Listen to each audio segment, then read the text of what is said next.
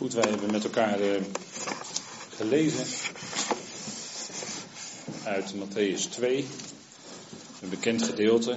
En zegt u, ja, dat is heel passend hè, bij de tijd van het jaar. Nou, we zullen daarover gaan nadenken met elkaar. En ik wilde graag eerst, voordat we dat doen, met u bidden. Vader, dank u wel dat we op dit moment hier bij elkaar zijn. En dat doen rond uw woord, Vader.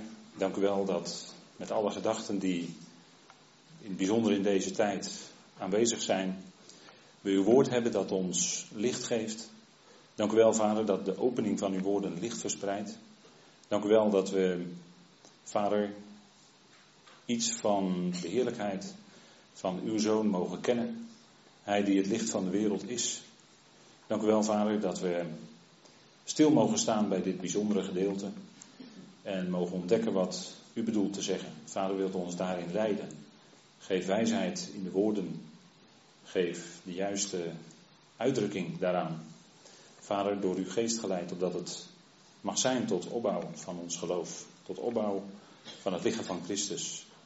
Vader, en bovenal tot lof en eer en verheerlijking van uw naam. Vader, mag dat het zijn in dit uur. Vader, waarin u onze harten kent. En waarin we met elkaar als gelovigen willen nadenken over u zelf. Heer, bedank u daarvoor. In die machtige naam van uw geliefde zoon. Amen. De geboorte van de Heer Jezus, dat is wat eh, in dit stukje genoemd wordt. En er kwam een bijzondere delegatie, die eh, doorgaans de wijzen uit het oosten worden genoemd. Die kwamen naar Israël toe, naar Jeruzalem. En ze worden in de schrift dan aangeduid met wijzen. En het wordt ook vaak anders aangeduid. We zullen dat gaan zien met elkaar. De geboorte van de Heer Jezus. Toch een bijzonder moment in de geschiedenis. Dat hij mens werd. Daar willen we vanmorgen natuurlijk bij na, stilstaan, bij nadenken. En wat het voor gevolgen heeft. Waarom het zo'n bijzondere gebeurtenis was. Maar 25, 26 december, het zit er weer aan te komen. En dan uh, denkt u van ja, hoe moet ik dat allemaal weer geregeld krijgen? Ik krijg allemaal gasten thuis en we willen graag eten.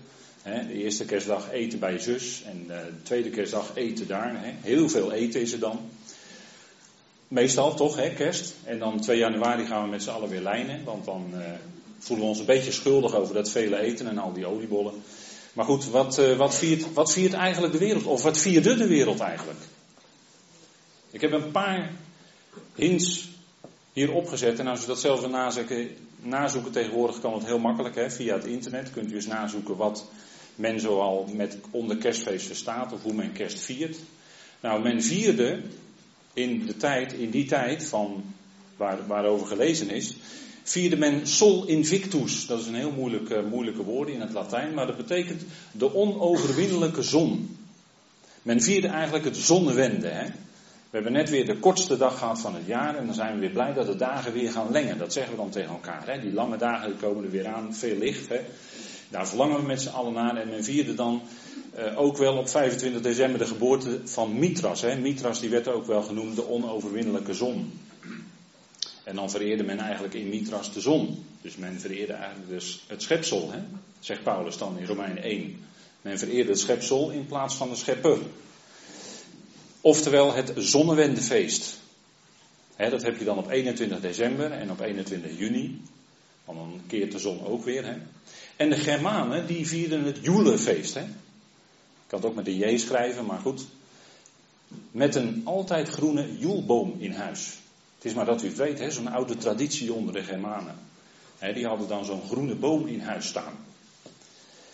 Nou, wat u er ook van vindt, ik ga maar gauw naar de volgende dia, dat is misschien beter.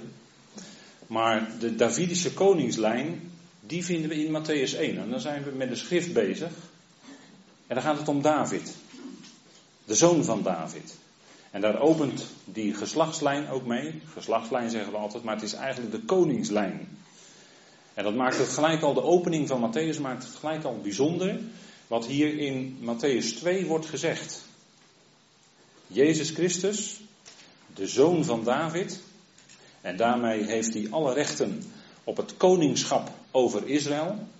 Dus het was niet zomaar iemand die geboren werd. En hij is de zoon van Abraham. En daarmee heeft hij alle aanspraken op het land. Is hij eigenlijk, blijkt hij eigenlijk te zijn als zoon van Abraham, als eigenaar van het land. Zoals aan Abraham de belofte van het land was gegeven, vererfde dat op hem, op Jezus Christus, de zoon van Abraham. En daarom staat die lijn, het gaat er niet om een geslachtsregister of een stamboom hier van de Heer Jezus uh, in Matthäus 1, maar het gaat om de lijn, hè? de koningslijn. Wie heeft er eigenlijk recht op? En dan blijkt hij dat hij alle rechten heeft. En dat maakt het zo bijzonder dat hij geboren werd. En we vieren het in midwinter, hè? Maar het tijdstip is helemaal niet goed. Ik kan ook zeggen, het is gewoon helemaal fout dat we het op dit moment vieren. Zo zingen we dat dan wel.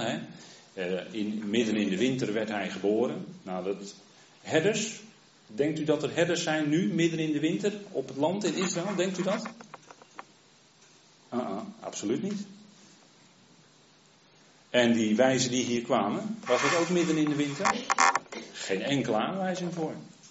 Als je kijkt, het tijdstip waarop hij geboren werd, dan kom je veel meer uit bij het Loofhuttenfeest.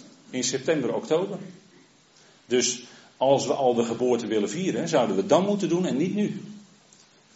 Hij heeft onder ons gewoond, hè, zegt Johannes 1. En dan gebruikt Johannes het woord tabernakelen. Dat is misschien wel een, een fijne heenwijzing naar het Loofhuttenfeest. Dus als we het nu vieren, ja, dan zitten we er gewoon drie, vier maanden naast. Als u het mij vraagt. En als u de schrift raadpleegt, dat is veel belangrijker. Niet mijn navragen, maar de schrift raadplegen. Dat is veel belangrijker. En dan kom je met een heel ander tijdstip uit. maar het gaat hier om hem, de zoon van David, de zoon van Abraham. En dan is het belangrijk, want dan gaat het om hem, die, hij die kwam en die mens werd. Dus die geboorte dat hij mens werd is ongelooflijk belangrijk. Daarvoor had God Adam en Eva als mens op de aarde gezet. Opdat hij later geboren zou kunnen worden en zou kunnen komen als mens. Daarom. Dat is belangrijk. En, en Lucas, hè, Lucas 1, want dat kun je er ook bij lezen. In Lucas 1 blijkt hij te zijn de zoon van Adam. En dat is eigenlijk een nog hogere titel. En u zou eens moeten nagaan in de schrift hoe vaak die titel, zoon van Adam, zoon des mensen, lees je dan in je vertaling. Hoe vaak die titel, zoon des mensen, in de schrift gebruikt wordt. En hij gebruikt hem de Heer gebruikt hem ook heel vaak over zichzelf, dat hij de zoon van Adam is. En daarmee heeft hij alle aanspraken op de hele mensheid. Heeft hij in feite de aanspraken over de troon over de hele mensheid. Niet alleen over Israël als zoon van David. En is er niet alleen eigenaar van het land, maar hij is in feite degene die bestemd is voor de troon om te regeren over heel de mensheid. Als de koning der koningen, zo zal hij ook komen. Straks in zijn, wat we dan wat zeggen, in zijn tweede komst. Hè. Dit was zijn eerste komst in vernedering, maar straks komt hij als de verheerlijkte. Dan zal hij zitten op de troon zijner heerlijkheid als de zoon des mensen. En dan zal hij regeren over heel de mensheid. Heeft hij nog hogere aanspraken. Vandaar die kroon. Hè. Hij zal regeren. En niet in eeuwigheid, zoals we gezongen hebben. Niet in eeuwigheid. Hij zal regeren totdat Totdat, zegt Paulus in 1 Corinthië 15. Totdat hij het koninkrijk aan God de Vader overdraagt. En dan zal God zijn alles in allen. Hij zal niet eeuwig regeren, want het is niet eeuwig nodig. Hij zal alles tot in zijn regeren tot volkomenheid brengen. En als dat moment is aangebroken, zal hij zijn koningschap overgeven aan God de Vader, opdat God zij alles in allen. Dus hij regeert, hij regeert niet eeuwig. En dat zegt Lucas 1, vers 33 ook. En wat we dan ook in deze tijd plachten te lezen, plegen te lezen, dat hij zal regeren tot in de eonen. En dan staat er, en zijn koninkrijk zal geen einde nemen. Want zijn koninkrijk dat zal doorgaan. Dat zal namelijk in handen gegeven worden aan God de Vader. Ziet u hoe nauwkeurig de schrift is? Dus hij regeert niet in eeuwigheid. Maar wij vieren dan drie koningen. Hè? En als je nu dit stukje zo leest in Matthäus, dan wordt er helemaal niet van gezegd dat het koningen waren. Staat er ook helemaal niet. er wordt het woord wijzen gebruikt, maar we zullen nog gaan zien wat er werkelijk staat. En het waren er ook geen drie. Dat leidt men af uit de geschenken die ze brachten, goud, wier, ook en mirre. Maar er staat helemaal nergens in de schrift hoeveel koningen het waren. Dus ook die gedachte kunt u gewoon uit uw hoofd zetten. drie koningen wordt dan gevierd, rond 6 januari. En daar hebben ze ook nog dan namen voor, hoe ze dan gegeten, geheten zouden hebben. Dat is ook allemaal uit, ergens uit een duim gekomen. Maar de wijzen die arriveerden, hier zien we een stukje structuur van dit gedeelte. De wijzen arriveerden, want ze hadden een ster opgemerkt. En Herodes hoort eraan, want Jeruzalem komt in opschudding. En Herodes vraagt dan waar, want zag dan dat zijn concurrent, om het zo maar eh, te zeggen, geboren was, hè, de koning der Joden. En Herodes gold zelf als koning der Joden. Dus zijn concurrent was geboren. En uh, dan komt hun antwoord dat zij een ster hebben gezien in het oosten. En hij vraagt naar de tijd. En dan gaat het zo verder, hè, wat we gelezen hebben met elkaar. Nou, u ziet dat bepaalde dingen weer terugkomen. Maar goed, de structuur is een klein hulpje, is absoluut niet uh, leidend hoor. Het gaat om de tekst zelf uiteraard. En er staat dan in vers 1, toen nu Jezus geboren was in Bethlehem, in Judea, in de dagen van koning Herodes, dus u ziet hoe nauwkeurig dit wordt vastgesteld door de schrift, wanneer het precies gebeurde. In Lucas kunt u ook nog wel iets lezen over wie, wie er toen het bewind voerde in Syrië enzovoort. Dus het wordt allemaal nauwkeurig vastgelegd dat het een historisch feit is dat hij geboren werd als mens. Er is veel meer feitenmateriaal beschikbaar eh, dan u denkt wat dat betreft. Want er zijn altijd twijfelaars, maar er is heel veel bewijsmateriaal. En dat niet alleen, de schrift zelf getuigt ervan, dat is voor ons voldoende. En, want in Matthäus 1, hè, het gaat hier om die naam. Hè. Die naam, die is heel belangrijk. De naam Jezus. Dat is eigenlijk een vergriekste vorm van het Hebreeuwse Jehoshua. En dat betekent JW, of vaak zegt men Yahweh. Maar als je die vier letters wil overzetten, dan kun je zeggen JW, redder. En zo kwam hij. Zo werd het ook tegen uh, Jozef gezegd in een droom en tegen Maria toen de engel Gabriel bij haar kwam. Tegen Jozef werd gezegd, en ze zal een zoon baren, en je zult hem de naam Jezus geven, want hij zal zijn volk redden van hun zonden. En dat was eigenlijk wel verrassend dat dit zo gezegd werd in Matthäus, want Matthäus geldt altijd als uh, ja, degene die het heeft over de Heer als koning. Maar hier staat dat hij zijn volk zal redden van hun zonden. En een van de zonden van het volk was ongeloof. En in de loop van de geschiedenis zag je ook dat het volk steeds zich tot andere goden wendde dan tot Yahweh. Dat was ook een van hun zonden. Waarvoor ze ook bij gelegenheid in ballingschap weggevoerd werden. Wordt ook in Matthäus aan gerefereerd, hè, in die koningslijn. Voor en na de Babylonische ballingschap, wie dan in die lijn zit.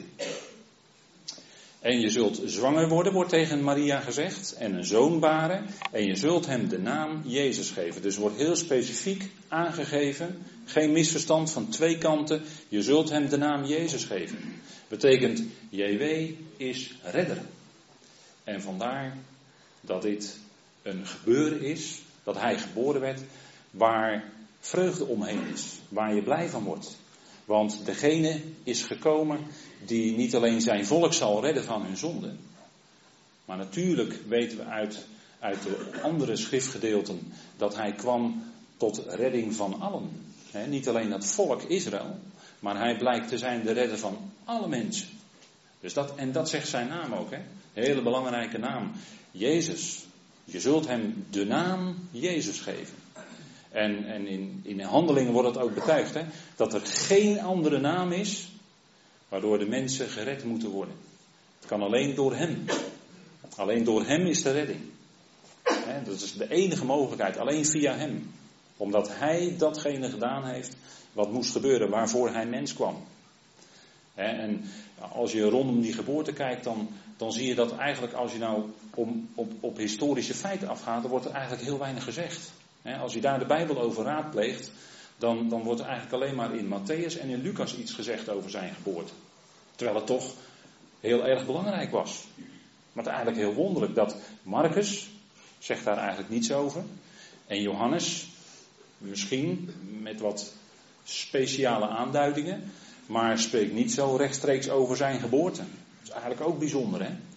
Terwijl wel bijvoorbeeld in, in alle vier de evangeliën uh, iets wordt vermeld over ja, Pilatus, die dan een moordenaar loslaat, Barabbas. Is, is dat dan belangrijker?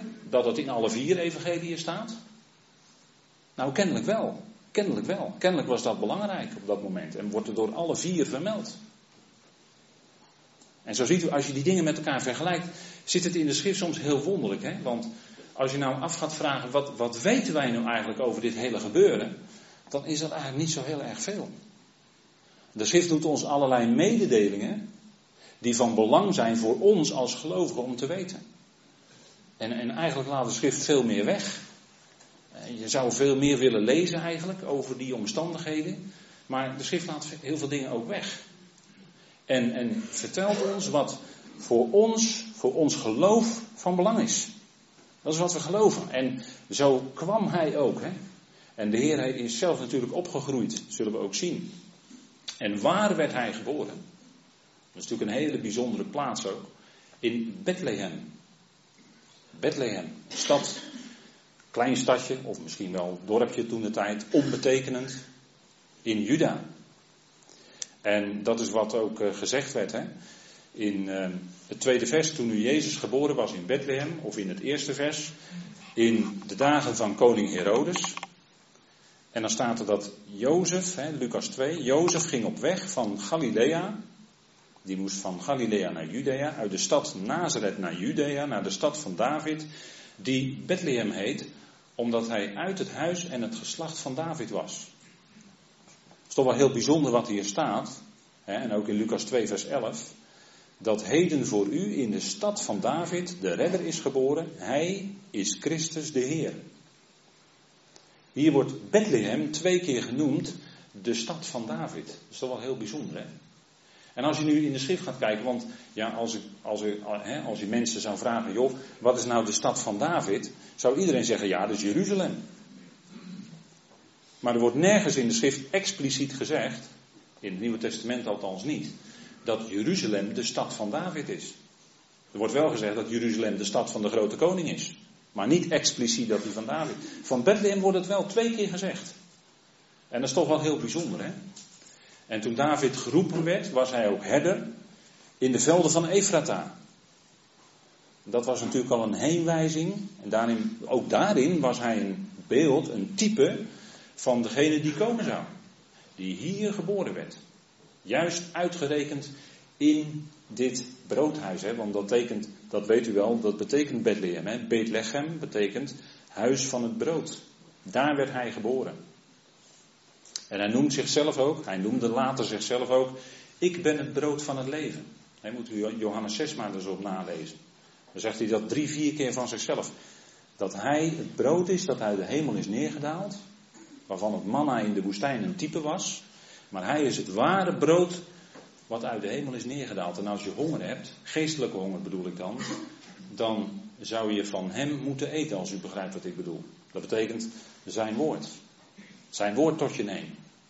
En dan uh, aan de ene kant wordt je honger, je geestelijke honger voor altijd gestild, omdat je hem hebt leren kennen. En dan heb je geen zoektocht meer nodig in allerlei andere richtingen. Dan heb je hem leren kennen. Dan heb je het gevoel dat je thuis gekomen bent bij hem. Dus in die zin heb je die zoektocht niet meer nodig, is die honger gestild. Maar als je eenmaal van dit brood hebt gegeten, dan heb je daar steeds weer trek in en steeds meer trek in. Dan wil je weten wie hij is. Dan wil je, hij die je zo lief had, dat hij voor jou, voor u, voor mij mens is geworden. Om jou, u, mij te redden. Die redder wil je leren kennen, toch? Hij heeft jou lief. Met zo'n enorme liefde. Dan wil je hem toch beter leren kennen. En wat laten we dan soms als gelovigen ook de schrift zelfs links liggen? Maar als je hem beter wil leren kennen, kan het alleen maar door zijn woord. Als je in mijn woord blijft, zegt hij zelf. In mijn woord blijven, dan blijf je ook in de waarheid. En, en, en dat is ongelooflijk belangrijk. want hij is zelf de waarheid. Pilatus vroeg het zich af toen hij voor hem stond, wat is waarheid? En hij waste zijn handen in onschuld. Wat is waarheid? Nou, die waarheid stond op dat moment voor hem. Want hij kwam als mens om te getuigen van de waarheid. Kijk, zo'n kindje in Bethlehem, dat vinden we allemaal prachtig. Dat is een klein kindje, daar, daar zijn we heel vertederd over. En daar willen we graag over zingen, dat is allemaal mooi hoor. Maar hij groeide ook op. En toen hij opgegroeid was, toen deed hij zijn mond open. En toen was het ineens veel minder. Toen was het ineens veel minder aardig, leek het. Toen liepen mensen bij hem weg. Maar het is ook tekenend wat hier gebeurt. Dat hij kwam tot het zijne en de zijnen hebben hem niet aangenomen. Wat een tragiek. Dat zegt Johannes 1, hè? De zijnen hebben hem niet aangenomen. En de Heer zijn van zichzelf ook een profeet is in zijn eigen vaderland niet geëerd. Nou, daar wist hij alles van. Maar hij is het brood van het leven. Als je werkelijk wil leven, ook praktisch, in de praktijk bedoel ik, dan, dan moet je van hem eten. Dat wil zeggen, dan heb je zijn woord nodig. En dan ga je ontdekken dat zijn woord richting geeft in je leven. Dat zijn woord leiding geeft in je leven. En dat je eh, beslissingen, in belangrijke beslissingen in je leven moet je nooit zomaar nemen. Dat doe je biddend, toch? Dat doe je biddend. Dat is niet alleen rationeel. En, en hoe meer je zijn woord leert kennen, hoe meer je je beslissingen laat, laat sturen en afhangen van de principes die zijn woord aangeeft. En daarom is het belangrijk voor je praktische leven van elke dag dat je van Hem eet. Want Hij is het brood van het leven. De mens zal niet leven van brood alleen. En mensen zijn vaak zo bezig met, met, met hun materie, met verzamelen, met, met dingen opbouwen, met, uh, met, met uh, weet ik wat allemaal. Maar de mens zal niet van brood alleen leven, maar bij het woord. Dat is werkelijk leven. Dat geeft werkelijk vreugde bij het woord wat uit zijn mond uitgaat. Daarom is Bethlehem een hele belangrijke plek. Nou, hij werd geboren onder Herodes, hè? Koning Herodes de Grote werd hij in die dagen genoemd. Hè? Matthäus legt het ook heel nauwkeurig vast. Hij werd geboren in Judea in de dagen van koning Herodes. En dat was Herodes de Grote, want je had er in die tijd nog heel wat meer. Dit waren allemaal kinderen van die Herodes de Grote. En over zijn huwelijken, meervoud, zullen we het maar niet te veel hebben vandaag. Want Herodes, ja, dat was nogal iemand. Hè? En dat was uh, zo'n vorst, zo'n machthebber. Koning Herodes de Grote, die gold als de koning van de Joden. En natuurlijk was hij enorm geïnteresseerd als er bleek een andere koning geboren te zijn. Een concurrent. En 2 vers 1 zegt dan verder, zie, magiërs uit het oosten kwamen in Jeruzalem aan. Dat is eigenlijk het woord hè, wat hier gebruikt wordt. Magoi staat er dan in het Grieks. En dat is niet direct wijzen hoor. Het Griekse woord voor wijzen heeft te maken met Sophie. Maar hier gaat het om magoi. Magiërs. Wij zouden dan zeggen uh, tovenaars. Hè? In het Engels zeggen ze dan magicians. Hè? Dat woord lijkt er wel een beetje op. Tovenaars. En het waren er geen drie. Het was wel een meervoud. Het was waarschijnlijk een heel gezelschap.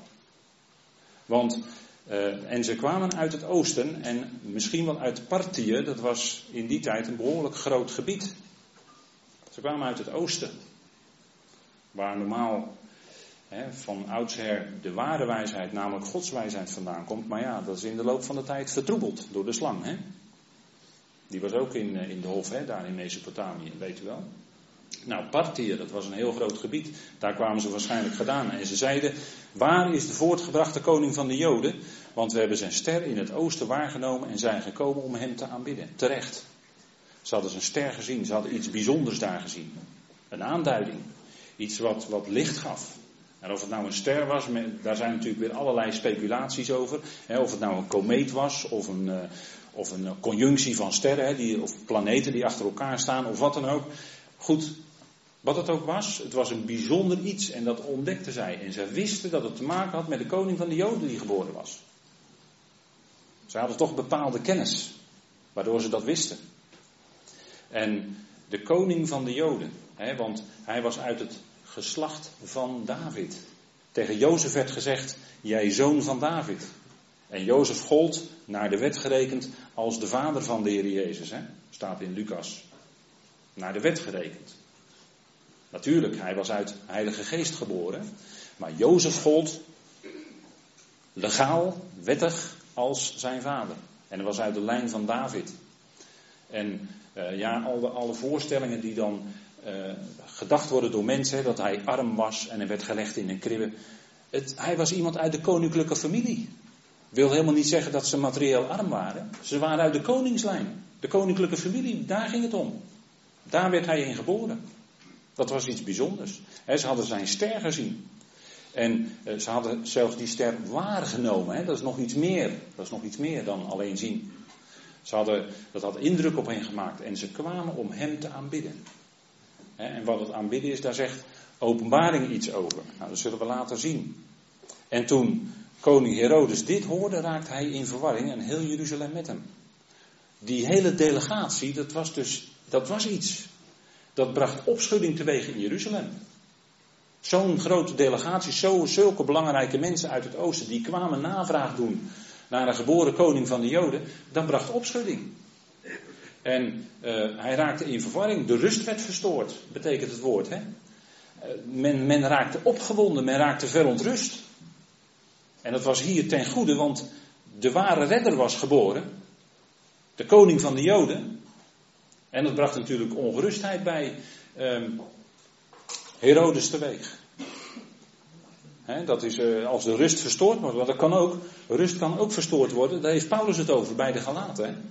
De Galaten wisten zich gered in genade door het evangelie van de genade wat Paulus gebracht had. Maar ze werden in verwarring gebracht. Want er waren judaïsten gekomen, of mensen die beïnvloed waren door het judaïsme, die zeiden nee, je moet toch onder de wet gaan leven, onder de wet van Mozes. En die werden ook in ongerustheid gebracht, maar dat is dan de andere kant op, hè? Dat is dan uh, een stukje kwaad. Ze werden verward, ze werden in verlegenheid gebracht. Hun rust van het evangelie van de genade waarin ze zich gered wisten, dat werd verstoord. Dat betekent het woord ook, hè? Dus het, uh, het kan twee kanten op in de schrift. En Herodes, die, die, was, die was ongerust geraakt. Die, die voelde zijn positie wankelen. Hè? Er werd aan, er werd aan uh, zijn, de, de poten van zijn troon gezaagd. Dacht hij. En die liet alle schriftgeleerden bij zich komen. Waar is die geboren? En daar had hij uh, geen goede plannen mee. Met het kindje wat geboren was. Dat blijkt, hè. En ze zeiden nou in Bethlehem, want ze wisten het precies, maar ze gingen niet kijken. Die schriftgeleerden wisten het wel, maar ze gingen niet kijken. Ze wisten wel dat hij daar geboren zou worden. want zo staat het geschreven door de profeten. Dan citeren ze feilloos Micha 5 vers 2. En dat klopte precies. Hij zou daar geboren worden. En dat gebeurde daar in de velden van Efrata. Dat is eigenlijk heel mooi, hè, want het heeft te maken met vruchtbaarheid. Hij zou namelijk een werk gaan doen als mens. En dat was een werk wat uiteindelijk betekende zijn lijden en zijn sterven aan het kruis. Maar ook zijn opstanding. Hè. Dat werk zou enorm veel vrucht gaan dragen. En daarom werd hij geboren in Efrata. Dat betekent vruchtbaarheid. Het zit ook in de naam Ephraim. Dat is heel bijzonder, hè? Dat, dat die setting waar hij geboren werd, zegt al zoveel. Hè? Maar die dingen moet je nazoeken in de schrift. Dan gaat het veel meer tot je spreken. dat is waar Rachel uiteindelijk stierf. Hè? Efrat heette die plaats eerst en later werd die Bethlehem genoemd. En Rachel wordt later in hoofdstuk 2 ook nog genoemd bij die verschrikkelijke kindermoord die Herodes teweegbracht. Maar het, zijn werk, zijn werk zou betekenen lijden en sterven en opstanding uit de dood. En dat werk zou grote vrucht dragen. En dat zullen we gaan zien. En u, Bethlehem, dat wisten ze zo te citeren uit Micha. Land van Juda, bent beslist niet de minste onder de vorsten van Juda, want uit u zal de leidsman voortkomen die mijn volk Israël herderen zal. De leidsman, hè? de leider van het volk, hij die de leiderstaf, de regeerderstaf zou dragen. Daarom is een koning, wordt vaak afgebeeld met een staf, dat is de leidersstaf, die, reist, die wijst de richting. En hij zou Israëls ware herder zijn. Want degenen die hem niet kwamen opzoeken waren niet de ware herders. Dat zegt Ezekiel. Dat zijn de herders die zelf eten en het niet uitdelen. Maar een herder, en dat zie je ook bij een kudde in de natuur, die moet zorgen dat die schapen bij het juiste voedsel komen. Dat is een ware herder. Die zorgt dat de schapen te eten krijgen. Zodat ze ook vruchtbaar kunnen zijn in de zin van wol kunnen produceren enzovoorts. Dat is een herder die die, die werkelijk doet waarvoor hij geroepen is. En dat zou de Heer ook gaan doen. Hè? Hij zou ze herderen door zijn woord. Maar oh, wat waren zijn toespraken moeilijk. Hij werd niet begrepen. Zelfs zijn eigen broers begrepen hem niet. Maar hij herderde hen door het woord. En hij is altijd de herder van Israël. Moet u altijd bij elkaar bedenken. Hij is de herder van Israël. En voor ons als lichaam van Christus is hij nog veel meer. Is hij het hoofd. Hij is ons hoofd. En wij zijn de leden van zijn lichaam. Dat is een belangrijk verschil. De Heer is de herder van Israël. En toen riep Herodes dus die magiërs, riep hij heimelijk bij zich. Hè? Achterkamertjes, politiek, deur dicht, achterkamertje even navragen waar hij geboren is. En dan gaf ze opdracht, ga, ga naar hem toe en breng mij dan verslag uit precies waar die is. En dat was met de bedoeling om zijn concurrenten uit te schakelen. Want zo, zo doen machthebbers dat. Hè. Uh, en hier dan letterlijk door middel van het ombrengen van. Tegenwoordig gaat het in de politiek niet zo letterlijk ombrengen van, maar in de politiek gaat het anders. Hè? Maar goed, we gaan niet over politiek praten vandaag. Maar hier zien we een staaltje politiek zoals dat toen werd gedaan, hè? Herodes. Kom maar even bij me, wijs me maar even precies waar die ligt. En dan zorg ik wel dat het uh, in mijn voordeel uitpakt. En dat, dat verborgene, dat heimelijke, dat is al 2000 jaar eigenlijk aan de gang, zegt Paulus. En op een hele andere manier, maar het geheimenis van de wetteloosheid. Dat is iets wat ondergronds doorgaat. En waarin we straks de culminering zullen zien in de wetteloze die op het wereldpodium zal verschijnen. Maar daar zijn wij al weg. En nadat zij de koning aangehoord hadden, gingen zij op weg. En het was heel bijzonder dat de ster die zij in het oosten waargenomen hadden, ging hun voor tot hij kwam tot de plaats waar, en dan staat er een woord in het Grieks, en dan moet je eigenlijk vertalen met de kleine jongen. Want zij, waren, zij hadden zijn ster gezien in het oosten ter gelegenheid van zijn geboorte.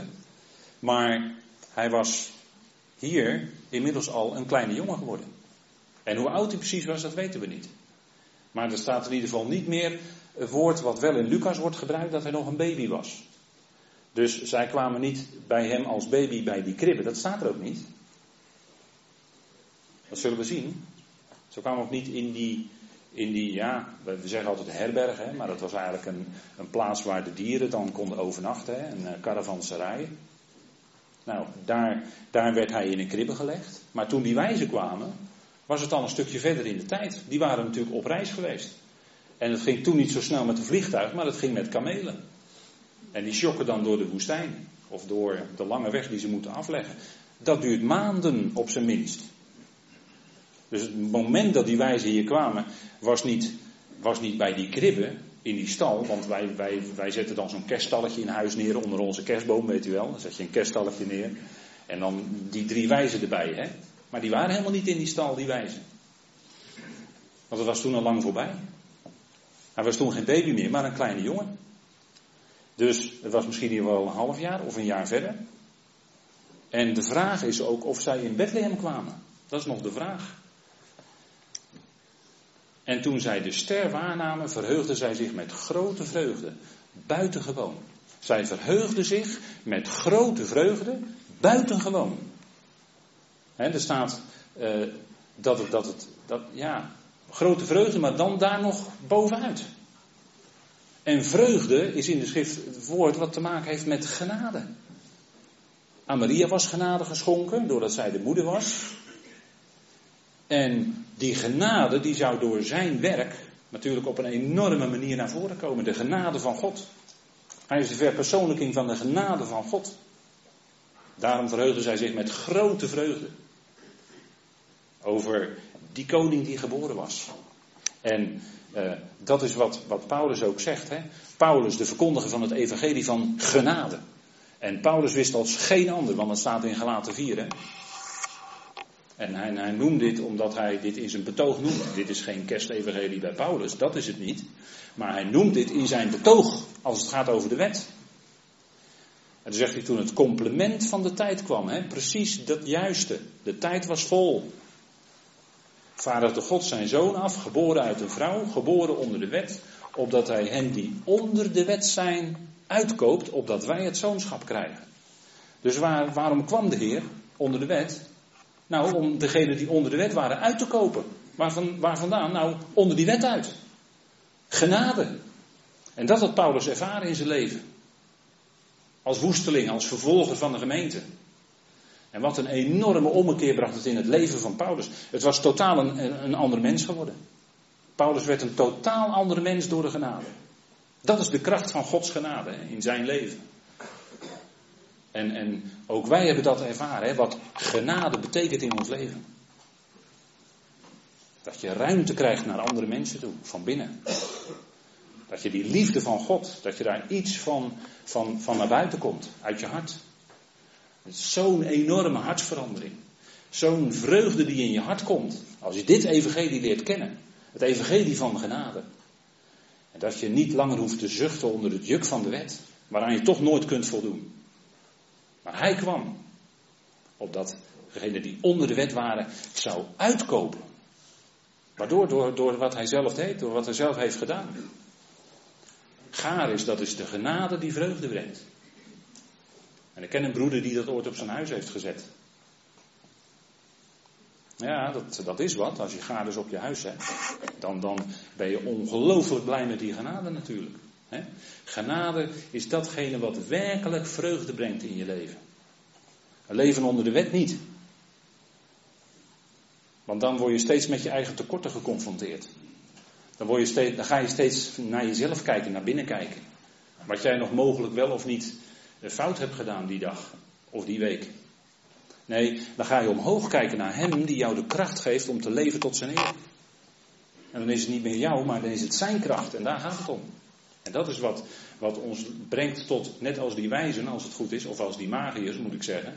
Dat is wat ons brengt tot aanbidding van Hem die dit alles tot stand heeft gebracht. Hè? Want wat voor de wet, want daarom werd Hij mens. Hè? Dat is hierom wat Paulus hier schrijft. Want wat voor de wet onmogelijk was, waarin het zwak was door het vlees. De wet werd op het vlees gelegd. En wat bleek? Vlees is niet in staat om te voldoen aan de wet van God. Mens kan uit zichzelf daar niet aan voldoen. En daarom, wat voor de wet onmogelijk was, waarin het zwak was door het vlees, deed God zijn eigen zoon zendend in de gelijkenis van het zondige vlees en omwille van de zonde en hij heeft de zonde veroordeeld in het vlees. De Heer had een vlekkeloze wandel. Hij was zonder zonde. Maar op Golgotha werd hij tot zonde gemaakt. Opdat wij zouden worden gerechtigheid van God in hem. Daarom werd hij mens. Om de zonde van de wereld weg te dragen. En daarom zei Johannes toen hij hem zag: Zie het lam van God dat de zonde van de wereld wegneemt. Daarom zei Petrus later in zijn brief: dat hij onze zonden heeft weggedragen op het hout. En Paulus maakte nog veel dieper bekend de consequenties en de gevolgen van het kruis. Namelijk dat er een einde is gekomen aan die oude mensheid. En dat uit het graf de eersteling opstond van die nieuwe mensheid. Van de nieuwe schepping. Dat is wat. Dat is wat. Dat lees je alleen bij Paulus. Dat lees je nergens anders. En dat is wat hij kwam doen. Hè? Hij heeft de zonde veroordeeld in het vlees. Niemand kon eraan voldoen. Hij wel. En juist die zondeloze, die ene, die stierf voor allen. Daarom werd hij mens. En daarom kunnen we blij zijn dat hij mens werd. We kunnen bij gelegenheid blij zijn, even stilstaan bij zijn geboorte. Maar het evangelie bij Paulus begint bij dat hij is gestorven, dat hij is begraven en dat hij is opgewekt op de derde dag. Dat is het Paulinische evangelie. Daar begint Paulus bij. En dat heeft ook wereldwijde consequenties. Tot redding, want hij is Jezus, redder. JW is redder. Niet alleen van het volk, maar van heel de mensheid. En hij heeft de zonde veroordeeld in het vlees. En zo kunnen wij die geroepen zijn en verzegeld zijn met zijn Heilige Geest, kunnen wij leven ook door die Geest. En dan is het heel wonderlijk, want dan blijkt dat wij, om het zomaar eens te zeggen, kunnen voldoen aan wat de wet eist, maar zelfs daar nog bovenuit. Liefde. Liefde tot de naaste en boven alles uit tot God. Want wat gaat boven alles uit? dat is het complement van de wet, van de Torah. En dat kunnen we alleen maar doordat die geest in ons woont, woning maakt. En dat die geest ook ruimte krijgt in ons leven. Zodat we kunnen leven tot zijn eer. En, en dit is wat Paulus in vreugde hier zegt. Hè? 1 Timotheus 1 vers 13. Dit is een geloofwaardig of betrouwbaar woord. En alle aanneming waard dat Christus Jezus in de wereld gekomen is. Waarom? Om zondaren te veroordelen? Nee. Om zondaren te redden. Daarom kwam hij. En hoe had hij dat ervaren, hè? Paulus? Waarvan ik de voornaamste ben. Ben, zegt Paulus. die stem die in zijn oren kwam op weg naar Damascus. Hè? Saul, Saul. En als je naam twee keer genoemd wordt, dan is het ernst. Hè? Dan is het volle ernst in de schrift. Want dat zei de Heer ook bij een andere gelegenheid. Hè? Martha, Martha. Dat was ook zo iemand die was bezig met allerlei werken. Net als uh, Saul. Bezig heel erg ijverig. Saul, Saul, waarom? Waarom vervolg je mij? Bleek dat hij vol, dacht dat hij vol ijver was voor God, maar bleek een vijand van Jezus te zijn op hetzelfde moment. Dat had het in zijn leven opgeleverd. Maar hij was de voornaamste van alle zondaren en hij werd ook de voornaamste prediker van die genade van God. Die genade die zo'n diepe consequenties heeft in ons persoonlijk leven als het goed is. Niet om uh, maar te gaan leven als uh, laissez-faire, laissez-passer, laat alles maar waaien. Losbandigheid, zo niet. Dat is niet wat genade doet. Maar Gods genade is die werkzame kracht in ons leven. Tegen de zonde. Zullen wij bij de zonde blijven opdat de genade meer worden? Nee, Paulus, volstrekt niet. Dat zal toch zeker niet gebeuren? Als dat die genade in je leven uitwerkt, dan heb je er nog niets van begrepen. Maar die genade is heel kostbaar. Hè? Genade is ook heel kostbaar. En daarom kwam hij. En die, die, uh, die, die magiërs die kwamen met kostbaarheden. Die kwamen met geschenken terecht, terecht. Volkomen terecht. Ze kwamen met goud, wierook en mirre. Kostbaarheden. Specerijen, hè? dat is heel kostbaar. Nederland is uh, geloof ik ook wel rijk geworden hè, van die handel in specerijen ooit. Nou, hoe dat ging, daar willen we dan niet over hebben, maar wel rijk van geworden in ieder geval, van die handel. Maar zij kwamen terecht met, met goud, wierook en mirre. En, en, en in de typen is de goud natuurlijk een beeld van, want de, hele tempel en de tabernakel zit vol met goud. Hè? En waarom is dat? Niet om te pronken met goud, maar om te laten zien waar het van spreekt. Het spreekt van, uiteindelijk van hem die uit de doden is opgewekt. Koningschap. Blijvend opstandingsleven, onder andere. Daar spreekt goud van. goud, is, goud is iets blijvends. Houdt zijn waarde vast. munten kunnen aan inflatie onderhevig zijn. Daar hoef ik er denk ik niks over te vertellen na de afgelopen vijf jaar.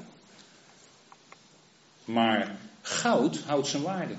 En dat, dat zegt iets over geestelijke dingen. Dat zegt iets over blijvende opstandingsleven. Wierook zegt iets over priesterschap.